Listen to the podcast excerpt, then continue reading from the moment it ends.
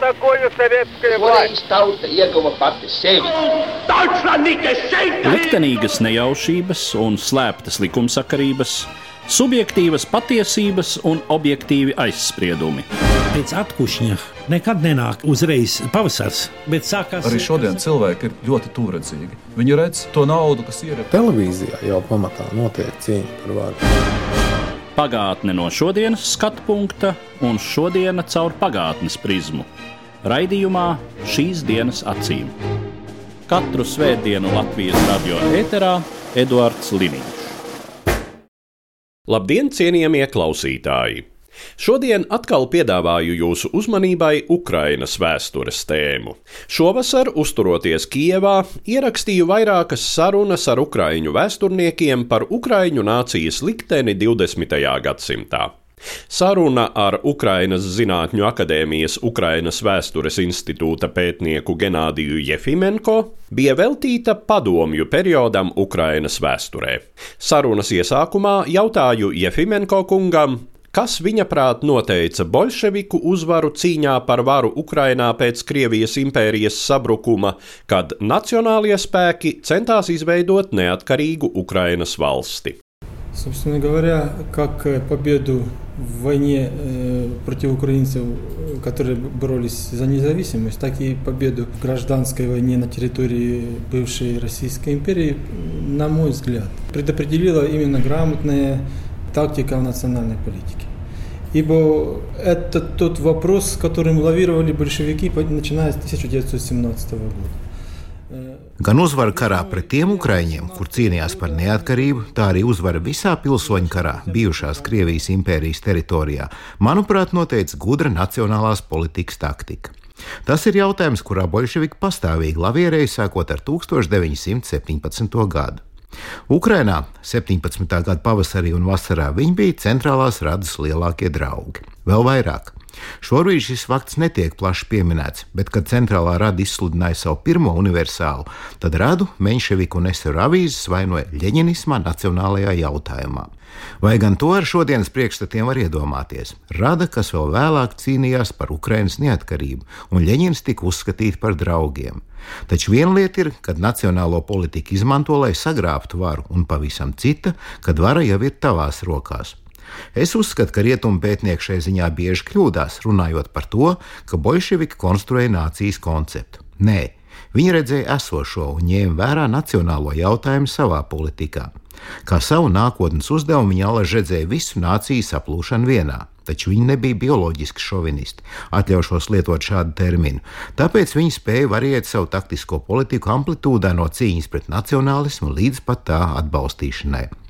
Tas ir tas, kas, manuprāt, netiek ņemts vērā daudzos Ukraiņas un Krievijas vēstures pētījumos. Lielā mērā viņi pārņēma Ukraiņas Nacionālās revolūcijas lozungus - Ukraiņas valstiskums, autonomija, federācija un īstenoja tos pa savam. Ukraiņu nācijas kustība līdz Krievijas 17. gada revolūcijai un revolūcijas pirmajos mēnešos orientējās uz autonomiju Federatīvas Krievijas republikas ietvaros. Par neatkarību tobrīd vēl nebija runas. Pat 17. gada septembrī, kad Kijavā notika Viskrievijas tautu kongress, tajā bija tikai divas delegācijas, kuras bija par pilnīgu neatkarību. Tās bija Lietuvas un Polijas delegācijas. Viņus respektēja, bet Ukraiņu līderis Gruševskis tobrīd uzstāja, ka jāveido federāla Krievijas valsts, kurā visām tautām būs vienādas tiesības. Kas formāli ir Padomju Savienība? Formāli tā arī ir līdztiesīgu nāciju federācija. Kādas tad bija cīņas metodes un taktika, ar kuru bolševiki savu politiku īstenoja? Методы борьбы и тактика определялись текущими событиями. Вот, например, в 2018 году, когда была сильна Центральная Рада, вот тогда, несмотря вот на известный у нас муравьевский террор и все другое, это была позиция исполнителей больше. То есть это была не позиция Кремля не позиция ЦК.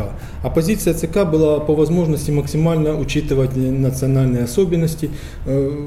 Cīņas metodes un taktika noteica konkrētā brīža notikumu. 1918. gadā centrālā rada bija spēcīga. Muravjovu komandēto bolševiku ieņemtajā Kijevā gan tika izvērsts sarkanais terors, taču tā bija izpildītāju iniciatīva, nevis Kremļa politika, ne bolševiku partijas centrāla komitejas pozīcija. Centrāla komitejas pozīcija bija pēc iespējas ievērot nacionālās īpatnības. Ļeņina ietekmē izveidotās padomju Ukrainas valdības tautas sekretariāta sastāvā tika iekļauti Ukrainā dzimuši cilvēki un tādi, kuri prata ukraiņu valodu. Tika izdots padomju Ukrainas valdības vēstnesis ukraiņu valodā.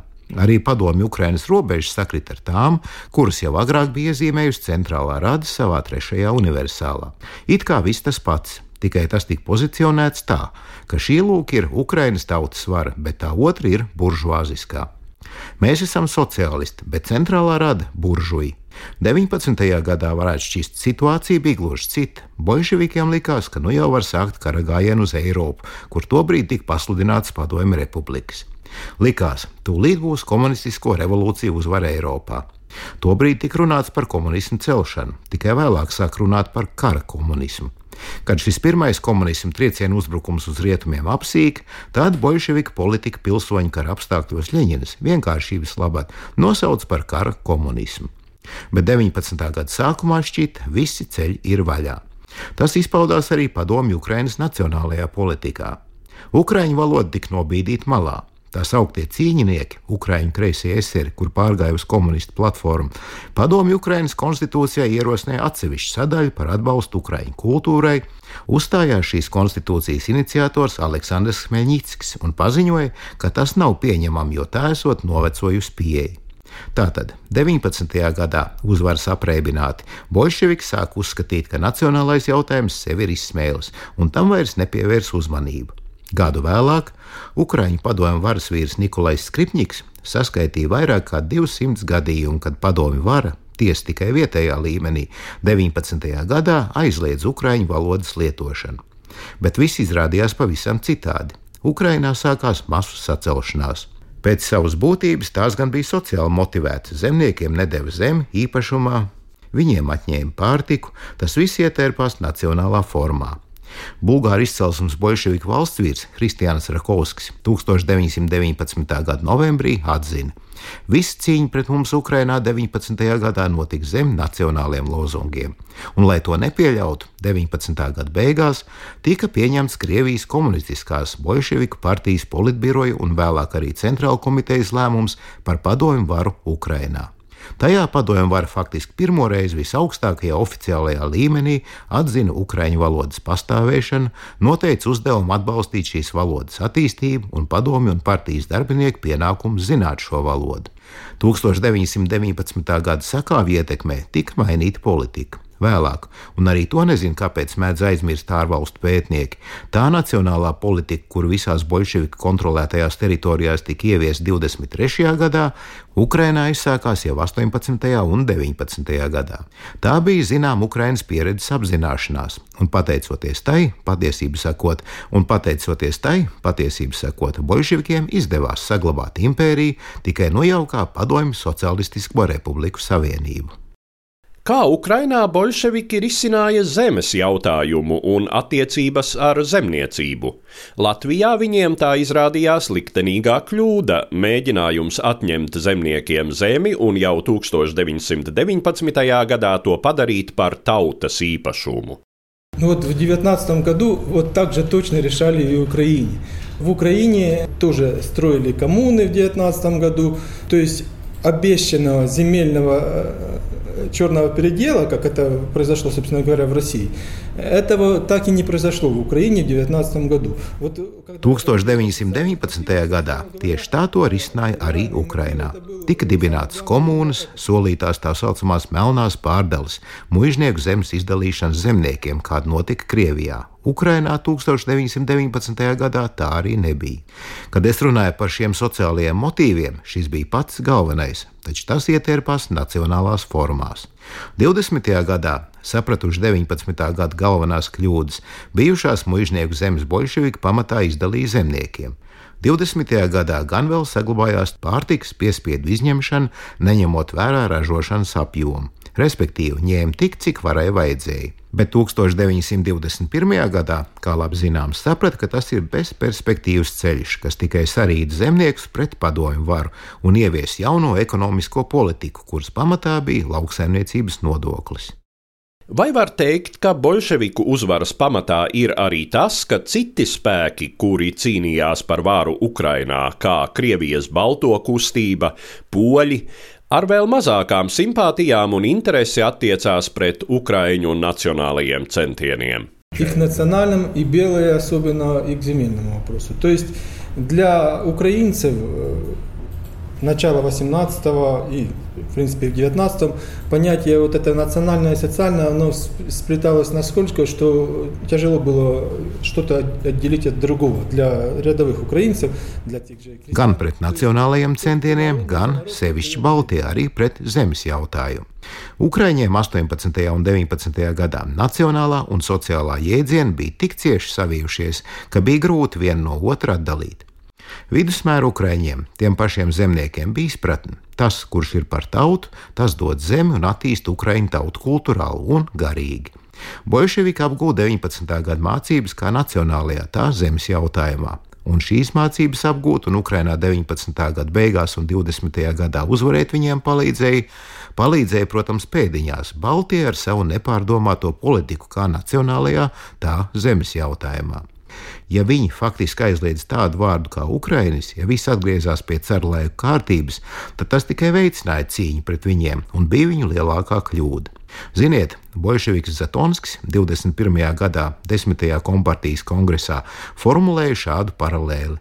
Liekas, mēs jau desmit reizes esam sakauši pēc ļuru, viņa vadīto Ukrainas nacionālo kustību, bet viņš joprojām ir dzīves, kamēr tas varenais spēks, kas bija deņīkinām, sen jau ir iznīcināts.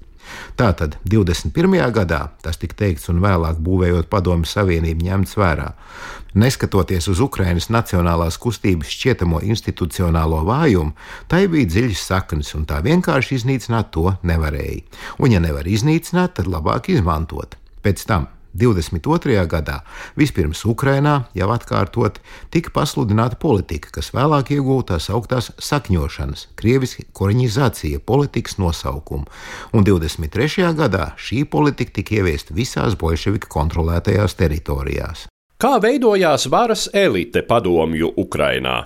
Cik tajā bija etnisku ukraiņu un no kādas vides? Сначала, конечно, этнических украинцев было очень мало.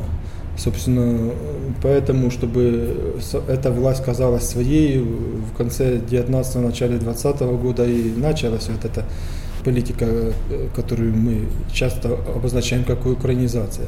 И именно Sākumā, protams, etnisko ukraiņu bija ļoti maz, tāpēc, lai šī vara šķist šeit kā savējā, 19. gada beigās un 20. gada sākumā arī iesākās tā politika, kur mēs bieži apzīmējam kā sakņošana. Tieši pateicoties šai politikai, Ukraiņas komunistiskajā bolševika partijā ieplūda jau pieminētie cīņinieki, kas tobrīd saucās Ukraiņas komunistiskā cīņinieku partija. Un visbeidzot, 25. gadā Bolševika partijai tika pievienots pēdējais Ukrāņu komunistiskais spēks - Ukrāņu komunistiskā partija. Bet, lai būtu saprotams šīs grūtības, kā parādīja 22. gada tautas skaitīšana, Ukrāņu vidū komunistu procents bija ļoti zems daudz zemāks kā starp krieviem, poļiem, nemaz nerunājot par ebrejiem. Starp citu, tāds interesants moments. Visaugstākais komunistu procents starp visām nacionalitātēm bija lietuviešiem, latviešiem un igauņiem.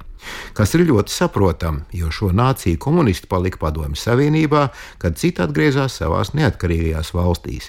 Attiecīgi šie rādītāji ir izņēmums.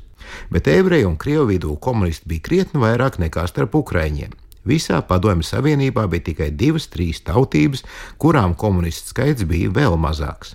Kompartija bija ļoti nepopulāra. Lai to mainītu, lai iegūtu atbalstu partijai masās, tika īstenot ukrainizācijas politika, kuras uzdevums, kā es to pastāvīgi uzsveru, bija pirmkārt ne jau attīstīt valodu, izglītību un kultūru, tās bija tikai metode, lai iegūtu vietējo iedzīvotāju atbalstu padomju varai.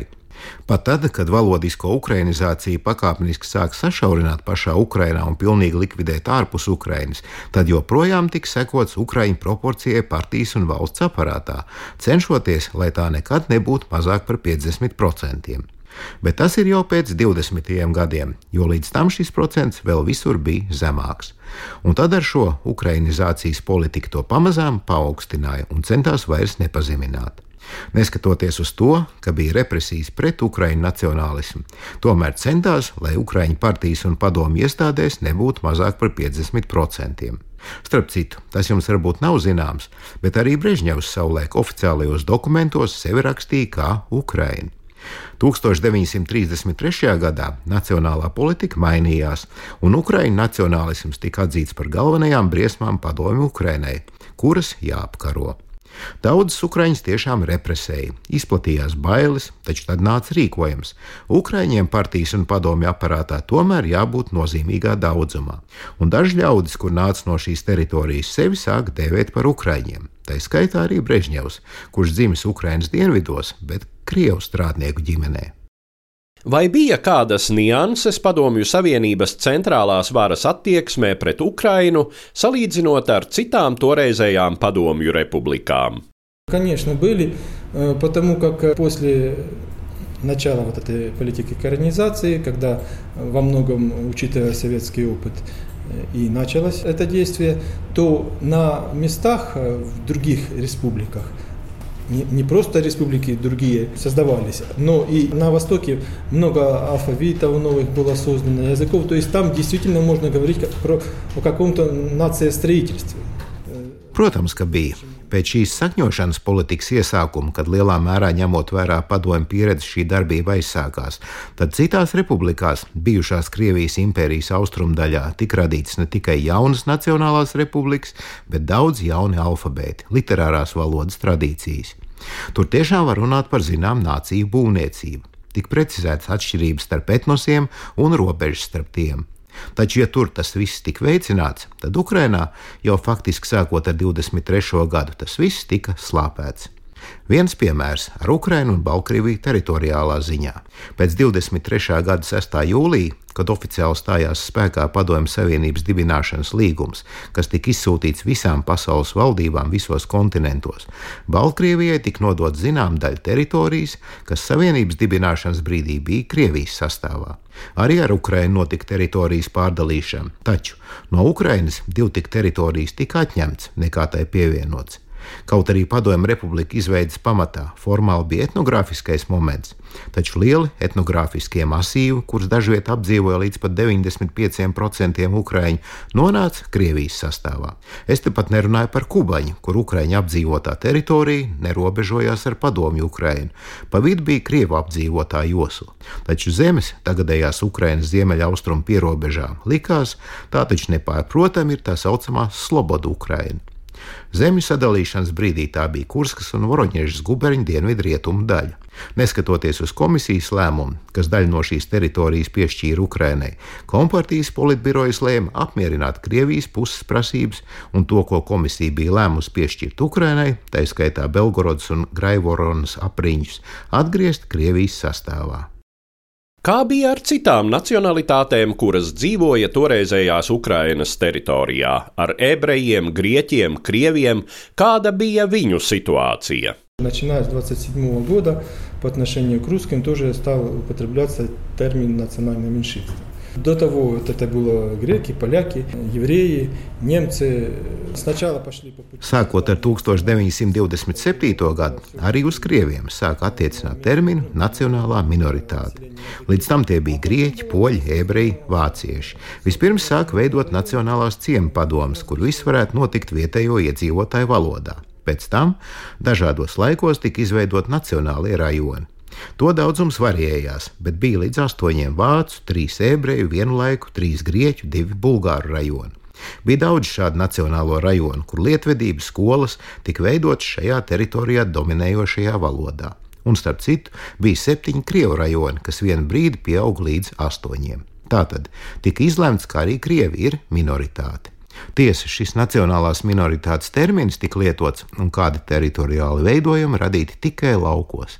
Bija lauka rajona, ciema padomus un arī ciemata padomus, pamatā ebreju, dažas arī krievu. Pilsētās nekādu nacionālo rajonu nebija. Pilsēta tika uzlūkota kā tas katls, kurā sajaucas visas nācijas un etnosi. Galvenajai te bija jābūt ukraiņu valodai, lai gan jēdziens valsts valoda tolaik netika lietots.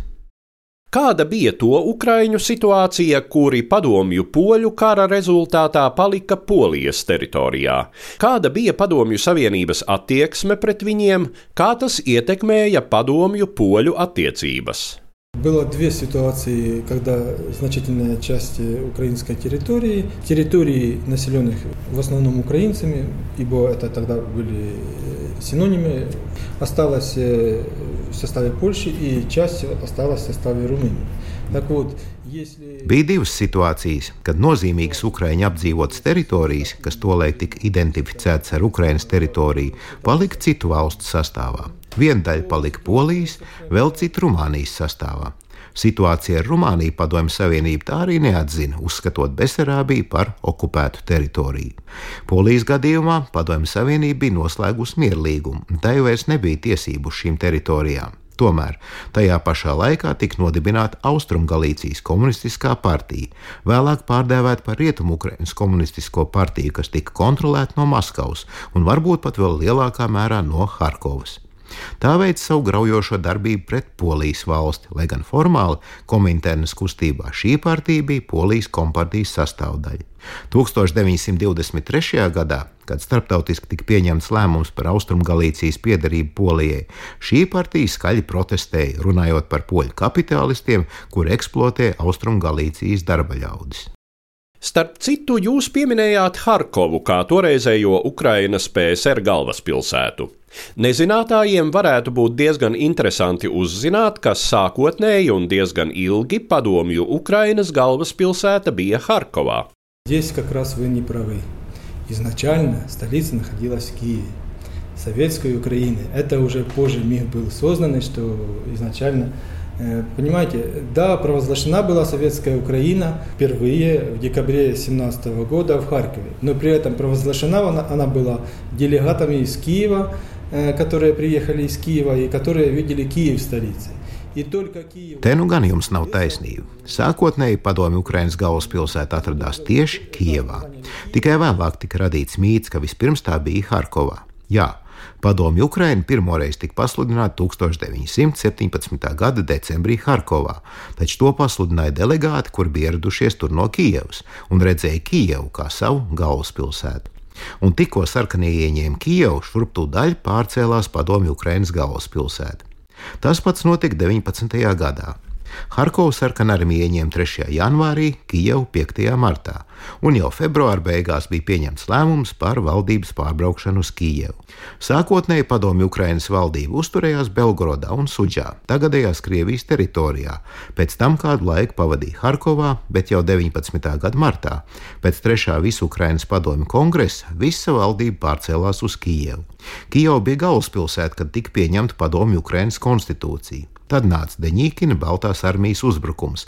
Nācās atstāt gan Kijevu, gan Harkovu. Sarkanie tās atguva 19. gada beigās, kad atkal sākotnēji plānoja galvaspilsētu Kijevā, bet tad sāk spriest, ka briest karš ar Poliju. Kijavā ir citāds iedzīvotāju noskaņojums, tā ir nevis proletāriska, bet, kā toreiz teica, sīkburžāziska pilsēta.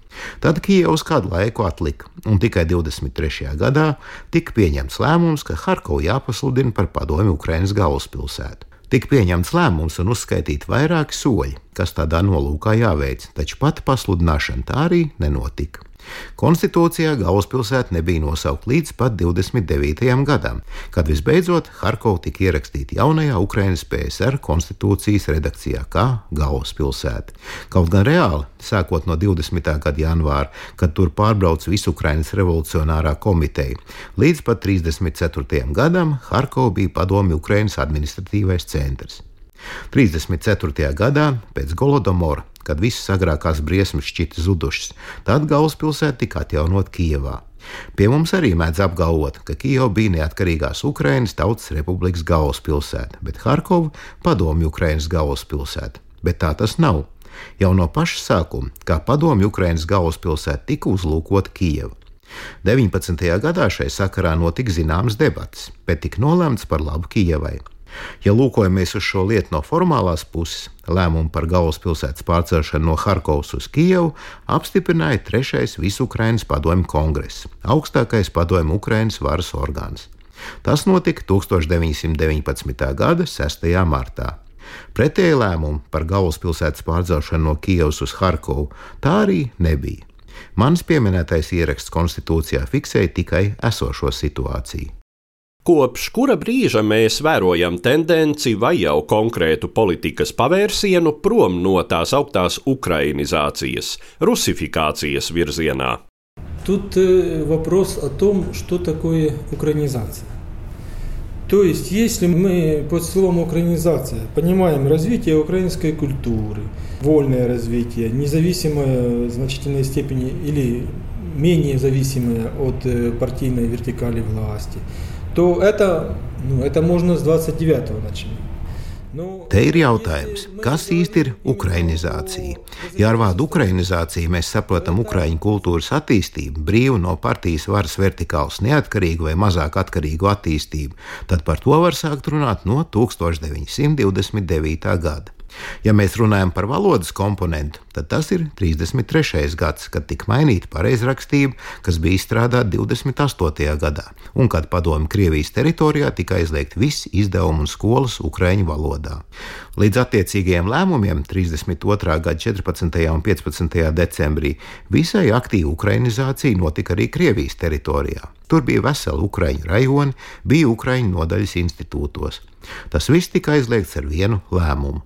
Padomi Ukrainā šādu lēmumu par visu ukrainiskā aizliekšanu nebija, taču tika pasludināta cīņa pret petļurisko ukrainizāciju. Nebija formāla aizlieguma kā Krievijā, bet tika pasludināta šī cīņa. Un patiešām Ukraiņu skolu skaits 33. gada laikā samazinājās, notika plašas represijas, un galvenais tieši 33. gadā Ukraiņu nacionālisms tika nosaukts kā galvenās briesmas nacionālajā jautājumā. Ja agrāk formāli par tādām briesmām tika dēvēts lielkrievu šovinisms, tad tagad tas bija Ukraiņu nacionālisms. Bet kategoriski tika noraidīts jautājums par to, ka tiktu pārtraukta ukrainizācija. Vēl vairāk, 35. gadā, tajos rajonos, kur ar ukrainizāciju gāja visgrūtāk, notika pat pārbaudas par ukrainizācijas stāvokli. Protams, tā tika dēvēta par bolševistisko ukrainizāciju, pretstatot petļuriskajai ukrainizācijai, bet tas nemainīja lietas būtību tika akcentēta nepieciešamība turpināt ukrainizāciju, sevišķi kā es jau to uzsvēru, kadru jautājumā, lai pēc iespējas vairāk ukraiņu būtu padomju un partijas varas orgānu sastāvā, arī starp skolotājiem un ārstiem. Visi tautas komisariāti, toreizējās ministrijas, tika pārskatītas. Starp skolotājiem liela problēma nebija, bet starp ārstiem, rūpniecības vadībā gan bija problēmas, un tika dota rīkojuma, ka šai sastāvā jābūt vairāk ukraiņiem, jāturpina ukraiņu valodas lietošana. 35. un 36. gadā Kompartijas Kijavas apgabala pirmais sekretārs Postiševs pastāvīgi staigāja izšūtajā Ukraiņu kreklā. Ukraiņas kompartijas politbiroja sēžu protokoli tieši 30. gados ir Ukraiņu valodā. Tātad nevar runāt par ukrainizācijas pārtraukšanu. Tā savu uzdevumu izpildīja. Šīs uzdevums no bojušieku viedokļa bija lielāks Ukraiņu daudzums varas struktūrās. Bet kaut uzdevums bija izpildīts, šī politika netika pilnībā pārtraukta. Tāpat laikā padomju Ukrainā 37. un jo sevišķi 38. gadā tika pilnīgi likvidēta visu mazākumu tautību sakņošana. Tika likvidētas visas līdz tam pastāvējušās nacionālās skolas, nacionālajie rajoni, nacionālā prese. Kas attiecas uz ukrainisko, tad tā nenotika un nevarēja notikt, cik tālu tā tomēr bija Ukraiņa Nacionālā republika. Tāda ukrainizācijas pārtraukšana kā bolševika politika īsti nenotika. Bija daži tādi nolūki 38. gadā. Vēl vairāk unificēt ukraiņu un krievu alfabētu, vairāk ieviest krievu valodu. Tādas tendences pastāvēja apmēram gadu, bet tad, līdz ar otrā pasaules kara sākumu un rietumu Ukrainas pievienošanu, tas viss atgriezās pie agrākās kārtības. Ja mēs runājam par kādu mērķtiecīgu rusifikāciju, tad tādi viļņi bija regulāri. Taču nopietnas spiediens notika tikai Ukraiņas kompartijas pirmā sekretāra Šķerbitska laikā pagājušā gadsimta 70. un 80. gadu sākumā. волны постоянно, но вот наибольший натиск был уже во времена Щербицкого. Это 70-е, начало 80-х годов. То есть тогда уже вот наибольший натиск был. А до того волны постоянно, но вот такой единой политики именно на сворачивание украинизации не было. Līdz ar to izskan pirmā daļa no manas sarunas ar Ukrainas Zinātņu akadēmijas Ukrainas vēstures institūta pētnieku Genādiju Jefimenko. Mūsu sarunas otro daļu klausieties raidījumā šīs dienas acīm nākamsvētdien, 6. oktobrī. Katru svētdienu Latvijas radio viens par pagātni sarunājas Eduards Līniju.